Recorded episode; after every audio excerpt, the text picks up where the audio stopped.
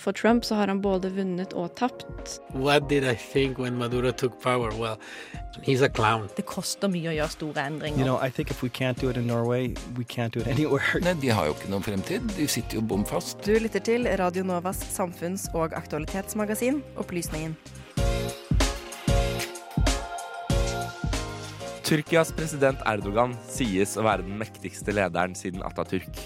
Hvem er han, og er han autoritær? Vi spør Tyrkia-ekspert Joakim Paslov. Kunstig intelligens, eller AI, har blitt integrert inn i samfunnet vårt. Hva har dette å si for oss som mennesker? Vi snakker med doktor Morten Irgens. Our Ocean-konferansen gikk, i denne uken av Stabern i Oslo. Vi har snakket med verdens største havvernsorganisasjon, Oceana, for å lære mer. Og de siste årene har Polen dreiet mer i en konservativ retning. Nå har parlamentet innført en lov som forbyr voksne å snakke med barn under den seksuelle lavalderen om sex.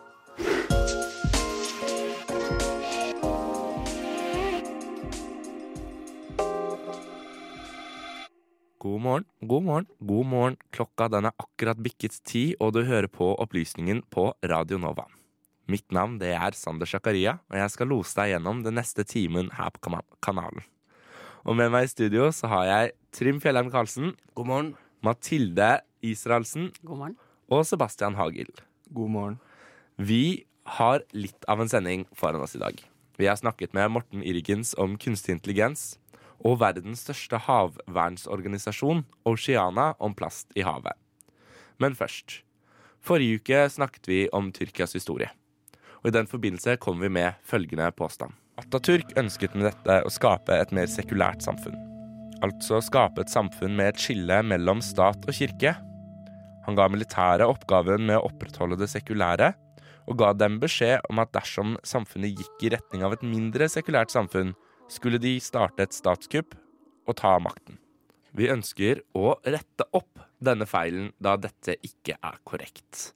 Joakim Parslov, førsteamanuensis i Midtøsten-studier ved UiO, kan fortelle oss at den faktiske situasjonen er litt annerledes. Når det gjelder militæret, så, så stemmer det jo at eh, Atatürk selv var opprinnelig en militær leder, og han hadde, han hadde mye respekt blant, eh, blant militære ledere helt, eh, helt til sin, eh, sin død i, i 1938. Fortsatt mange militære ledere som ser på ham som, som den viktigste tyrkeren eh, noensinne.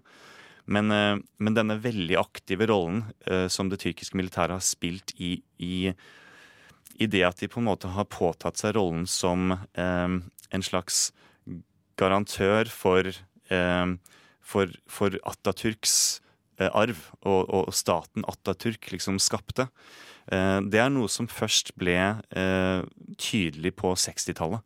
Det er noe som først skjedde med det første militærkuppet i mai 1960 hvor, eh, hvor det ikke var generaler, faktisk. Det var ikke altså ledelsen av militæret. De man liksom skulle tro var de mest ideologisk overbeviste, og, og de som liksom eh, forvaltet arven etter Atatürk. Det var snarere noen, eh, noen yngre offiserer som på eget initiativ bestemte seg for å ta makten i 1960. Og det som skjedde etter da, var at eh, militæret fikk utformet en, en egen lov hvor det står at, uh, at, militære, at, at, det tyrkiske militæret, den tyrkiske hæren, skal spille en viktig rolle i å uh, ikke bare forsvare landet mot eksterne fiender, men også da forvalte arven etter Atatürk. Altså sørge for at Atatürks stat eksisterer slik han, slik han forlot den. Men dette så ønsker jeg på vegne av opplysningen å beklage for denne feilen. Videre ønsker jeg å legge til at vi jobber hardt med å faktasjekke påstandene våre og opplysninger vi oppgir som fakta, og at denne feilen forhåpentligvis ikke skjer igjen. Og med det så tenker jeg bare vi kan kjøre i gang en låt. Mandalay Lamas med I Don't Know What To Do With My Life. Deilig garasjerock der, altså. Mandalay Lamas med I Don't Know What To Do With My Life. Men nå, kunstig intelligens er et litt fjernt begrep. Kan maskiner virkelig være intelligente? Hva betyr intelligens? Burde vi være redde for at roboter og datamaskiner tar alle jobbene våre i fremtiden? Jeg tok en tur til Høgskolen i Kristiania for å snakke med doktor Morten Irgens om all denne problematikken. I forrige uke ble jeg vist en video av en kompis hvor tematikken var kunstig intelligens. Videoen heter Multi-Agent Hide and Seek og er publisert av OpenAI. Denne videoen inspirerte meg. Jeg ville lære mer om fenomenet kunstig intelligens. Jeg måtte til en ekspert. Jeg er Morten Irgens, dekan og utviklingsdirektør på Høgskolen Kristiania. I fjor så startet jeg uh, sammen med to kolleger i Europa en organisasjon som heter uh, Confederation of Laboratories of AI Research in Europe, kortet CLAIR. Antagelig verdens største samling, nettverk av kunstig intelligensforskere. Og så tok jeg også initiativ til å sitte i styret i det, noe som heter NORA. Og det er uh, Norwegian Consortium of Air Research. Og der, der, samler vi sju universiteter og to forskningsinstitutter som arbeider med kunstig intelligens i Norge, for å kunne bygge opp kunstig intelligensforskning. Og for at den norske regjeringen skal kunne ha noen å snakke med. Jeg spør Morten om hvorvidt maskiner virkelig kan være intelligente. Spørsmålet er jo hva er intelligens? Uh, så skal vi spørre om hva Vi stiller spørsmål om hva er kunstig intelligens, så må vi først svare på spørsmål om hva intelligens er. Mm. Og, og søren, men det har vi jo ikke svart på. Så uh, jeg tror at disse, disse systemene de, Det vi sier da om kunstig intelligens, er at når et system gjør noe vi i dag anser som uh, at krever menneskelige egenskaper, og spesielt menneskelig intelligens, så er det kunstig intelligens. Men Ikke bli forvirret av begrepet kunstig intelligens. Kunstig intelligens er et forferdelig dårlig eh, eh, navn på et stort og bredt fagfelt. Fagfeltet er jo bare en sånn samling med teknologier som skal gjøre systemer litt mer smartere, kunne gjøre ting som vi i større grad forbinder med menneskelig atferd. Og det er alle mulige slags modellering av menneskelig resonnering, modellering av menneskelig læring. Det er det å resonnere og lære uten å prøve å modellere det på mennesker, ikke sant? og så videre og så videre. Det, det er å kunne lage et system som gjenkjenner taler, som kan kunne snakke selv, som kan gjenkjenne ansikter, så, som kan tegne selv, osv., osv. Og, og jeg, jeg, jeg tror ikke at uh, Jeg tror det er et feil i å bli henge seg opp i at, det, at fagfeltet heter kunstig intelligens. Jeg tror vi bare skal forstå det sånn at dette dreier seg om teknologi. Mange snakker om automasjon og lurer på hva man skal jobbe med i fremtiden. Dette har Morten å si om det. Nå går vi inn i en ny fase. Eh, hvor, eh, og det er den fjerde industrielle revolusjonen. Og den er drevet fram av disse teknologiene som, som ikke bare erstatter muskelkraft eller rutineoppgaver eller transaksjoner. Men de gjør ting som krever mer læring, mer resonnering. Og med andre ord så går de etter middelklassens jobber. Og derfor så er det flere som blir nervøse i dag enn det var for noen år siden. Ta Postgirobygget. Vet du hva en postgiro er for noe? Det er ikke mange, det er ikke mange som begynte på en, et universitet en høyskole i høst og kom rett fra videregående skole som vet en postgiro er. Men det jobbet altså 3000 mennesker i Postgirobygget. Fins ikke postgiro lenger. Det fins knapt en bankfilial lenger. Og gjør det noe? Does it matter? Beste, min mor hun var uh, jobbet på sentralen. Og så fant hun seg noe annet å gjøre. Hun ble sosionom og, og uh, jobbet med mennesker. Det var et smart move. Min bestefar var blikkenslager. Er det så nøye at det ikke er så mange blikkenslagere igjen? Morten har vært en forkjemper for forskning på kunstig intelligens i Norge og Europa. Men hvorfor det? Det er en del snakk om at systemer som vi har introdusert, har bias på engelsk, bias, eller forutinntatthet på norsk. Og det er f.eks. så hvis du trener opp uh, ansiktsgjenkjenning bare på sørøstasiatiske bilder eller mennesker, så vil ikke det systemet fungere i, uh, i Norge. Men det vil jo bli oppdaget ganske raskt. da. Det som er litt mer interessant, er når er, man trener opp på data hvor man, det ikke er så opplagt at det ligger en ensidighet i dataene. Det, var, det er mange eksempler på det som har blitt ganske berømte. Uh, jeg husker ikke detaljene, men et, et, et, av de eksemplene er hvor man uh, brukte et maskinlæringssystem for å bidra til å uh, effektivisere ansettelser i en bedrift. Og brukte systemet for å, for å maskinelt kunne bidra til det. Og da oppdaget man jo at systemet bare ansatte hvite menn. Og det var jo fordi at det hadde vært ansettelsespraksisen i organisasjonen, og de hadde ikke vært helt klar over det. For øyeblikket er det altså slik at en liten gruppe mennesker lager kunstig intelligens vi andre må interagere med på daglig basis. Har dette noe å si for måten vi er mennesker på? Det spørsmålet du stilte meg om eh, i hvilken grad en liten klikk av dataprogrammerere definerer vår måte å tenke på, eh, og definerer hvordan vi skal leve, ja, den løfter jo opp og sier ja, det er, det er riktig, det. Um, det er ikke så mange av dem. Og de sitter ikke nødvendigvis i Europa. Og det har et, et poeng, fordi Norge og de europeiske landene har kanskje en annen måte å tenke på samfunnet på. Å tenke på arbeidsmiljø på, å tenke på medarbeidelse på, enn både USA og Kina og Vietnam og Japan. Amazon, hvor mange jobber der? Hvor mange jobber i Facebook? Facebook er et av verdens mest verdifulle selskaper. Nesten ingen som jobber der.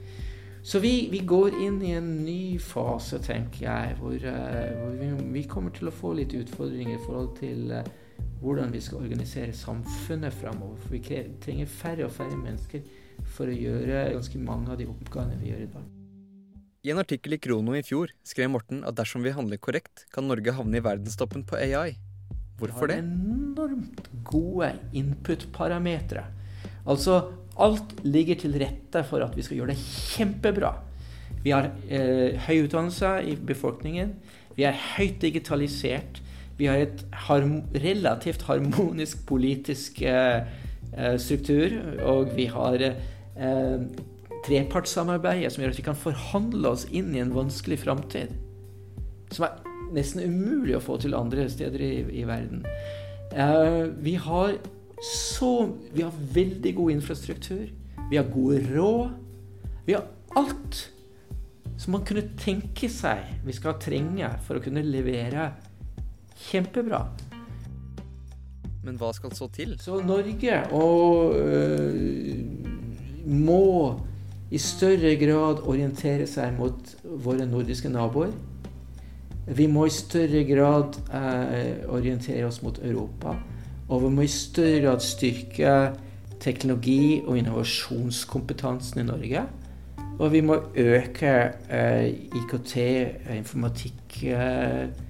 informatikkutdannelsene. Eh, vi må ha flere studenter som jobber med dette. Og som jobber med dette ikke bare inn mot eh, eh, Ikke bare inn mot det å få en grad, men inn mot arbeidslivet. Ser du for deg at dette er den neste norske økonomien? De studentene som begynte på universitetene og høyskolen i høst, de er, eh, og som kom rett fra videregående skole, de er født i Y2K. De er født i år 2000. Det er samme året som Agent Smith var uh, the bad guy i Matrix-filmene, eller den første Matrix-filmen. Morten tegner ned en tidslinje på den elektroniske blokka si. Pensjonere seg i 2070. Ja. OK. Uh, de nåværende oljereservene tilsier at vi avrunder en oljeeventyret vårt i 2050. Så de studentene skal jobbe i 20 år til etter at det er avrunda. Og egentlig burde vi hatt avrunda den oljeeventyret før den tid, av andre grunner. Vi skal i de neste årene gjennom en transformasjon av økonomien vår. Den norske økonomien er en sofistikert teknologisk økonomi, men den er råvarebasert. Den er drevet fram av behovene i, i råvaresektoren i stor grad. Så vi mangler, vi mangler det innovasjonsøkosystemet som uh, er klare å knytte sammen offentlig, næringsliv, universiteter, entreprenører og investorer. Jeg skal avslutte med noe Morten sa, som jeg syns var veldig kult ikke skille teknologi fra dagens samfunn i dag. Vi, vi lever i det. det. det. er Teknologi blir usynlig. Den forsvinner inn i veggene. Vi begynner å snakke til, eh, til eh, telefonen vår, ja, og vi begynner å snakke til leiligheten vår, og, og plutselig så, så har teknologien trukket seg i bakgrunnen, og vi legger bare merke til den når den uh, ikke virker. Uh, men det betyr altså også at teknologi har injisert seg i blodet vårt. Så når jeg sier eh, en teknologisk eh, økonomi, så mener jeg at det betyr livene våre.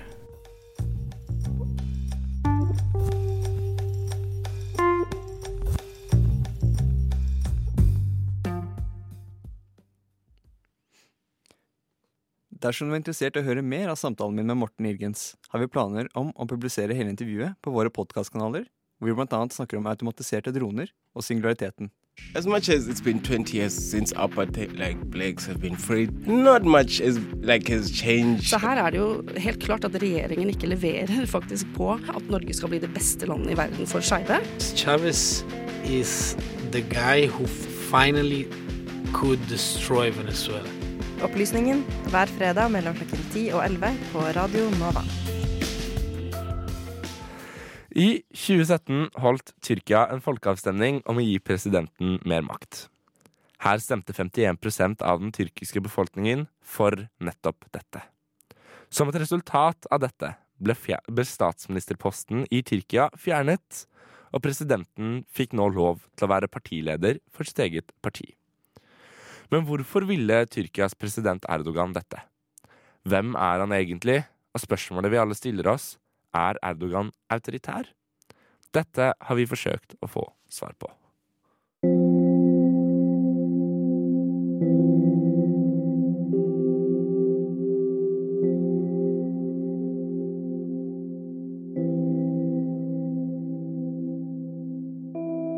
Han er eh, autoritær, ja. Svært lite tolerant overfor opposisjon. Og, han har også sørget for at han har svært mye makt, og bruker den makten flittig til å beholde makten sin. Her hører vi Joakim Parslov, førsteamanuensis i Midtøsten-studier ved UiO. Mannen han snakker om, er Tyrkias president Recep Tayyip Erdogan. Han bruker sine advokater flittig til å gå etter eh, alle som, eh, som kritiserer ham på sosiale medier eller på vanlige medier. Eh, så, så, i den forstand er han veldig autoritær. Han er også autoritær i den forstand at han uh, har gått i bresjen for og ledet uh, en prosess som har pågått i noen år nå. Uh, hvor selve maktstrukturene, eller de politiske strukturene i den tyrkiske staten, har blitt endret på en slik måte at veldig mye makt har blitt konsentrert i hans egne hender og i hendene til partiet han nå er leder for igjen. Da. Mange autoritære ledere benytter seg av fiendebilder en utpekning eller oppfatning av noen som et lands eller en gruppes politiske fiende. Disse bidrar ofte til å samle landet rundt én leder. Jeg spør Joakim om hvem som er i Erdogans fiendebilde. Altså Erdogan er en ganske, er en ganske smart, eh, taktisk og, og, ganske egentlig pragmatisk politiker. Eh, så han er villig til å, til å, endre på de fiendebildene og har gjort det flere ganger også i løpet av karrieren sin, eh, som, som det passer situasjonen. Eh, akkurat nå er, er, er, den store fienden det er helt klart eh, PKK i Tyrkia og, og PYD i Syria. Eh, PKK i Tyrkia er jo da denne eh, såkalte Kurdistans Arbeiderparti, en, eh, en geriljagruppe som eh, ble stiftet sent på 70-tallet. Og PID er da en organisasjon som, som, historisk sett er en slags avstikker fra PKK, som ble stiftet i, i Syria tidlig på 2000-tallet. Så nå, nå altså, i og med at Erdogan nå uh, står i spissen for uh, enda en gang nå en, en ny tyrkisk uh, invasjon av Nord-Syria, som har som formål nettopp da å, å, fjerne PID som en politisk og maktfaktor fra Nord-Syria, så er det helt klart da eh, disse organisasjonene som er, er fiendebildet. Det er de som hele tiden kommer opp i, i talene hans. Han snakker hele tiden om PKK-terrorister og PID-terrorister osv. Eh, og så bruker han jo da også i forlengelsen av det dette ordet terrorist. ikke sant? Det er jo da eh, På sett og vis er jo det USAs store gave til verdens eh, autoritære ledere. At de satte dette ordet på dagsorden eh, og, gjorde det til et, begrep som, eh, som, er så fleksibelt at det kan brukes til å svartballe nesten enhver nesten enhver fiende, uansett hvem de måtte være. Eh, og det ser vi nå igjen at Erdogan eh, og andre i, i tyrkiske regjeringskretser bruker veldig flittig. De, de, bruker det på en så fleksibel måte at de gjerne eh, hevder at, at f.eks. At, at PKK og IS, den islamske staten, egentlig eh, på sett og vis utgjør en og samme fiende. Og den fienden det er i deres øyne, det er terrorisme, eller terrorister generelt. Selv om det kanskje kan virke sånn nå, har ikke Erdogan alltid hatt en fiende. Da han kom til makten på 2000-tallet, så, så, var han i begynnelsen ikke så veldig opptatt av å snakke om fiender. Da var han mest opptatt av å på en måte tale i EUs språk, for han ville få i stand eh, medlemskapsforhandlinger med EU. Så da var han mest opptatt av å, å snakke positivt om demokrati, rettigheter, friheter, sivilt samfunn osv. Eh, litt senere, sånn fra 2005, 6, 7, 8 utover, så ble han veldig opptatt av, eh, av det tyrkiske militæret. Altså de, særlig disse, disse, litt sånn harde sekularistiske kretsene i det tyrkiske militæret. Um, som, som, på sett og vis uh, hadde kan man si, litt autoritære inklinasjoner selv. ikke sant? De var jo de som hadde uh, satt i gang kupp osv. tidligere. Det var jo bl.a. de som også hadde gått i bresjen for dette såkalte postmoderne kuppet i 1997. Eh, da var han mest opptatt av, av, dem, fordi han så på dem som antidemokratiske og selvfølgelig også anti, antimuslimske eller antiislamistiske krefter. Mange omtaler Erdogan som den mektigste tyrkiske lederen siden Atatürk. Jeg spør Joakim om dette stemmer, og hvem Atatürk er. Ja, eh, det stemmer nok det, at han er Tyrkias mektigste leder siden Atatürk. Eh, Atatürk var jo da Atatürk var en, en, i utgangspunktet en, genera, en general. Uh, han var, um, han var en ganske vellykket uh, militær leder som hadde ledet osmanske uh, styrker under flere kriger, bl.a. under første verdenskrig. Atatürk ble da, eller Mustafa Kemal som han het da, ble da erklært presidenten, førstepresidenten av den nye republikken Tyrkia og han forble presidenten frem til han døde i 1938. Og den republikken han ledet mens han levde, det var i teorien eh, en demokratisk republikk, i hvert fall på papiret. Grunnloven sa at det var et, et demokrati, og man, man, holdt jo da også valg. Men i, i praksis så var det eh, en ganske strengt kontrollert ettpartistat. Eh, det var hans parti som kontrollerte alt. Han ledet både eh, sitt parti og stat. Så ja, man kan si at, at Mustafa Kemal Eh, som da fikk, fikk, navnet Atatürk i 1934 av det tyrkiske parlamentet. Eh, han var en, en, leder som eh, på sett og vis hadde så å si all makt i sine hender. Det var han som bestemte så lenge han levde. Og han var, i hvert fall mot slutten av sin karriere, også, også ganske autoritær. Han var det også. Jeg spør Joakim om hva som kan bli fremtiden til Erdogan i Tyrkia.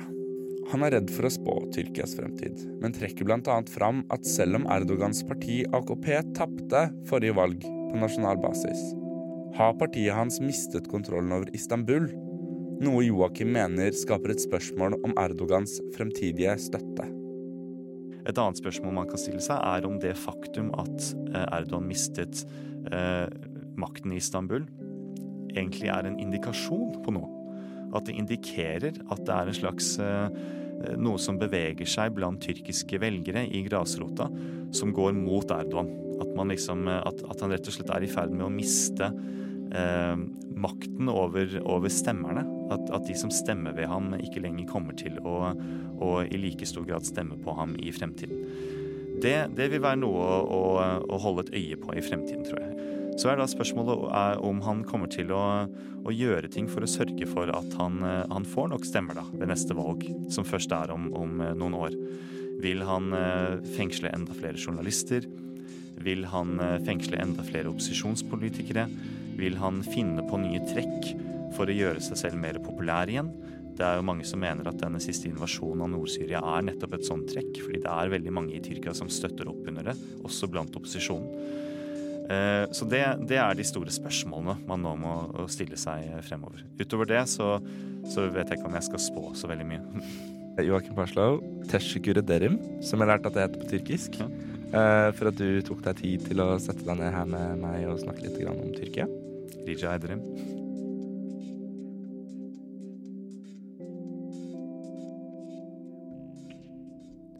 Vi ønsker bare å komme med en kjapp presisering.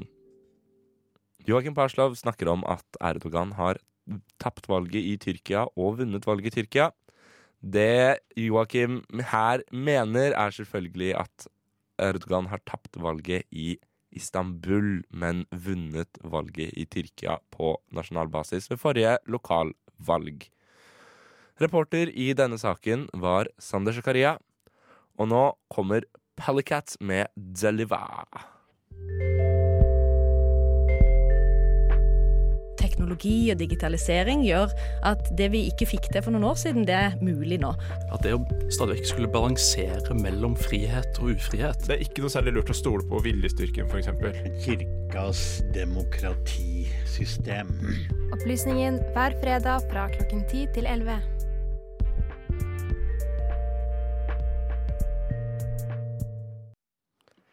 I 2015 kom det nasjonalkonservative partiet Lov og orden til makten i Polen.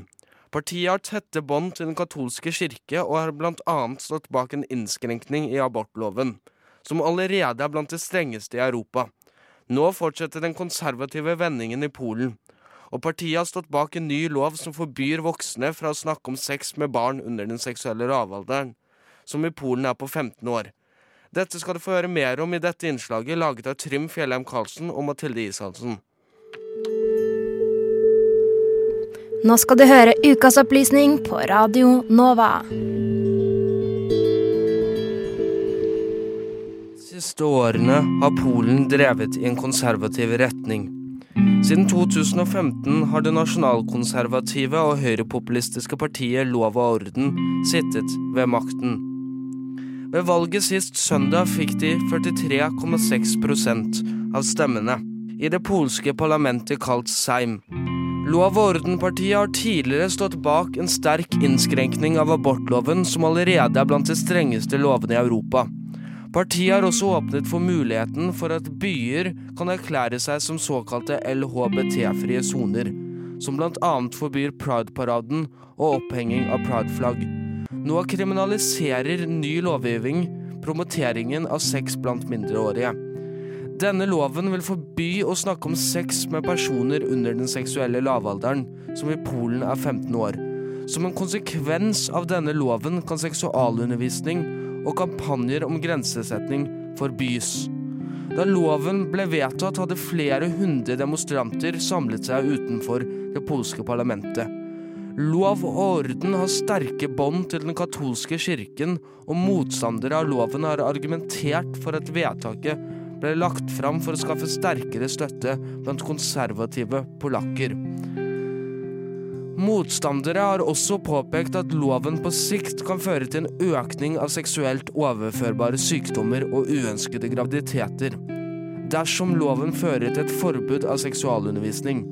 Det har også blitt påpekt at barn på sikt ikke vil lære om grensesetning. Tilhengere av loven har de derimot argumentert for at den bare forbyr folk for å oppfordre mindreårige til å være seksuelt aktive. De anser motstandernes frykt for en kriminalisering av seksualundervisning for barn som en forvrengt fortolkning av loven. Valget sist søndag, der lov og orden fikk 43,6 av stemmene, viser at den konservative dreiningen ikke nødvendigvis er fullendt i Polen. Derfor er det viktig å følge med på utviklingen videre.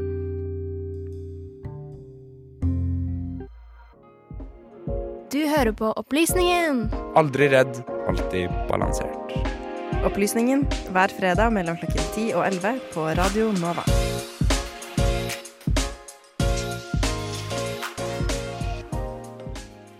Tidligere denne uka avholdt Oceana, verdens største havvernorganisasjon, et pressemøte hvor vi i Opplysningen var til stede. I denne saken får vi høre hva leder for policyutvikling Jacqueline Savitz og utforsker og seniorrådgiver Alexandra Cousteau har å si om viktige tema som plast i havet og ungdomsengasjement knytta til klimaet. På tirsdag var vi i Radionova til stede på Oceanas pressefrokost i forkant av Our Ocean-konferansen. En internasjonal klimakonferanse om hava våre. Som i år arrangeres i Oslo. Her hører dere Jacqueline Savitz. Hun er policysjef i Oceana. said Oceana is an international ocean conservation organization. We are we have offices in 12 countries around the world, including four here in Europe. Um, and we are working to win um, strategic campaigns that will generate policy outcomes that will improve the oceans. It will bring back ocean abundance um, and prevent ocean pollution. Um, we are trying to save the oceans because we believe that doing so can help us to feed the world. Her forklarer hun om hva Oceanas rolle på Our Ocean-konferansen vil være. Oceana is a nonprofit organization or a non-governmental organization. So our role is to try to create the environment that's going to drive change, try to put pressure on governments, companies, um, to try to get them to make the changes that we know need to be made. Et tema som er viktig for Oceana, er plastikk i havene våre. as you know, we're being inundated by plastics. They're everywhere, right? And as Dustin mentioned, about 8 million metric tons a year of plastics are what's getting into our ocean. 8 million metric tons per year. Um, that's the equivalent of a dump truck of plastics getting into our oceans every minute. As we speak, that is happening. Yeah, I mean it's it's interesting because the as I mentioned, the amount of plastics we're producing is skyrocketing. We're expecting to see a quadrupling by 2050 the amount of plastics we're making. Of course, this is a material that once you make it, it's literally on the planet forever. You know, we always say it's a profound design flaw to make something that's designed to last forever to to um, for, to use for something that you're going to use once and throw away, and it is with us forever. The problem with plastics is that you know plastics are actually made by petrochemical companies. And petrochemical companies are looking at their future projections and what are they seeing? They're seeing for the first time ever that their growth could be leveling off and maybe even declining because we're doing a good job of creating efficiencies electrifying our automobile fleets um, and they're thinking to themselves but wait we have all this petroleum. What can we do? And that's why we're seeing this massive increase in plastic production is because they're looking for more stuff to make out of plastic on purpose because it's their only growth opportunity in the future. The amount of plastics we're producing, unfortunately right now, plastic production is on the increase. It's increasing exponentially. Um, and that is going to lead to an increase in the amount of plastics that are getting into our oceans because recycling simply cannot keep up. Um, and so 8 million metric tons is going to grow and potentially double by 2025. Um, and the beaches that are polluted now um, are actually going to look clean compared to the beaches in 2025 if we don't find a way to stop it. Men hva ønsker egentlig Oceana å gjøre med plastikkproblematikken? And so what Oceana wants to do is we want to try to get companies to stop creating so much plastics. You hear a lot about recycling, you'll hear a lot about circular economy at this conference about how we can use plastics and reuse plastics. But the truth is, production is increasing so fast that those solutions are never going to keep up. And so, what we need to do is we need to turn off the tap. You hear the analogy if your bathtub is overflowing, what do you do? You don't just run for a mop. First, you have to turn off the tap. Then maybe the mop is going to work. Yeah, and I would add, um, and it's interesting because we don't encourage people to don't, just don't buy plastic because there's no way you can, whether you're a student or anybody, it's everywhere.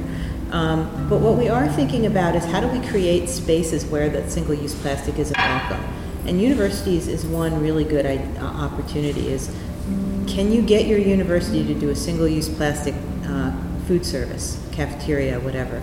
Um, if, if all the students around the world engaged in doing that, then the companies would be forced to provide single-use plastic-free stuff to the, to the food services. So we want to create places where companies can't sell single-use plastic. So maybe a university um, food service uh, system, a university cafeteria that says we're not going to have single-use plastics anymore, and then the companies have to provide you their services in a different way, right? They have to give you new delivery methods. For instance, instead of bottles of soda um, or pop, what do you call it here? Yeah, like yeah, soda. Instead of bottles of soda, um, you um, have a fountain dispenser, and you have a reusable cup. Her hører vi Alexandra Cousteau snakke om viktigheten om engasjement i miljøsaken, og spesielt blant ungdom. You know, the, your voice matters, and you know there's there's a way to shape the conversation that young people are doing and continue to do and should do more of. Um, that we look at Greta and what she's she's accomplished, and there's young activists like her all over the world, and it's only growing. And so I think that taught holding people and governments and companies accountable through social media and hashtags and you know TikTok and Instagram and all these things is really important. The other thing is show up to vote. Right? We've seen a lot of things happen in the world in the past few years that none of us really I think wanted to have happen because young people weren't. And, and I think young people are realizing the power that they have and that they are going to inherit this planet and what is happening now will have a profound impact on the quality of their life later on. Vi spurte henne hva hun syns om Greta Thunberg og all hetsen hun utsettes for. We gave the Ocean Hero Award to a 13 year old girl who had petitioned all the schools in the area to ban straws. I mean, she's 13. That that's a lot of organization and effort for a 13 year old to figure out how do you go to the different schools in the school district, how do you get them to ban the straws, how do you get the support from the other students to get that outcome. Like that was pretty impressive, and I think that that youth energy and innovation and articulation of the world that they want to live in and holding people accountable for that like like your elected leaders here in Norway should hear the youth listen to the youth and not give you a pat on the shoulder and say thank you for your input. I don't know Greta and I can't speak for her even though I admire her and, and I'm so glad that she's doing what she's doing and she's inspiring so many young people to go out on Fridays and to really get involved in their communities and there's all these cli- young like youth climate justice activists out in the world thanks to her because of her example. She's incredible does it have it co- its costs? Yes. Is everybody going to be as famous as her?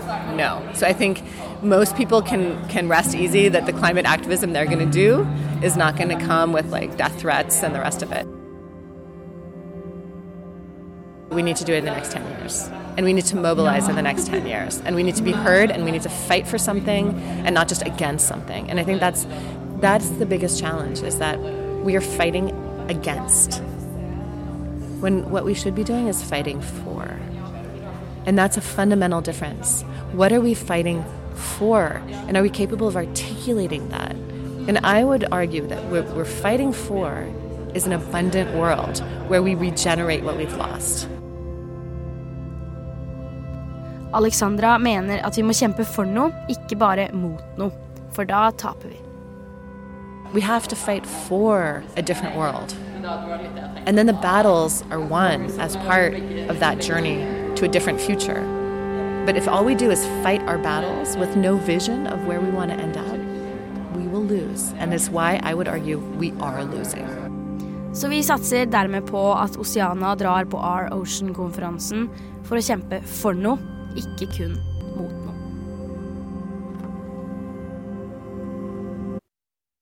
Reportere i denne saken var Sebastian Hagel, Sander Zakaria og Nora Amanda, Amanda Ness Holm.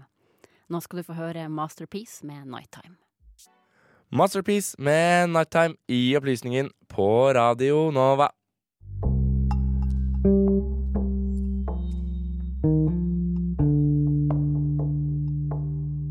And this is insane. I've never seen this in any other country. Never in my life. People eating from the trash, fighting about it. Eh, Når så mange er ensomme, så ligger jo på en måte ikke dette på, på individet lenger. Det ligger på systemet. Vi er i ferd med å ødelegge evnen vår eh, permanent kognitivt i hjernen til å konsentrere oss over lengre tid.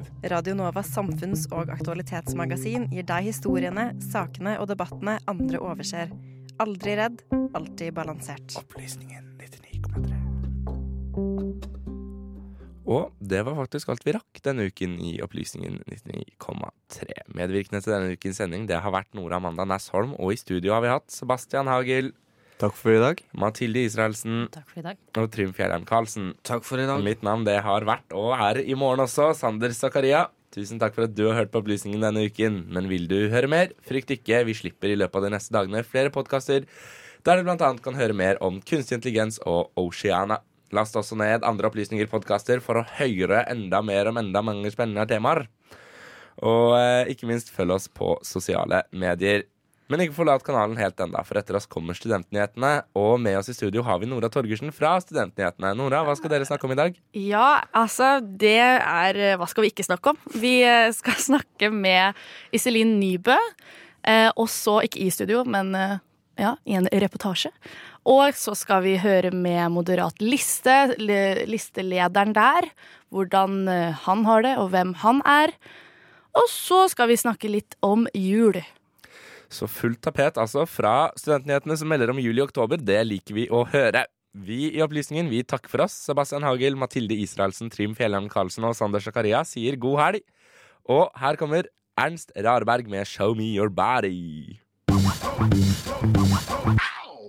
Opplysningen hver fredag mellom klokken 10 og 11 på Radio Nova. Aldri redd, alltid balansert. Opplysningen.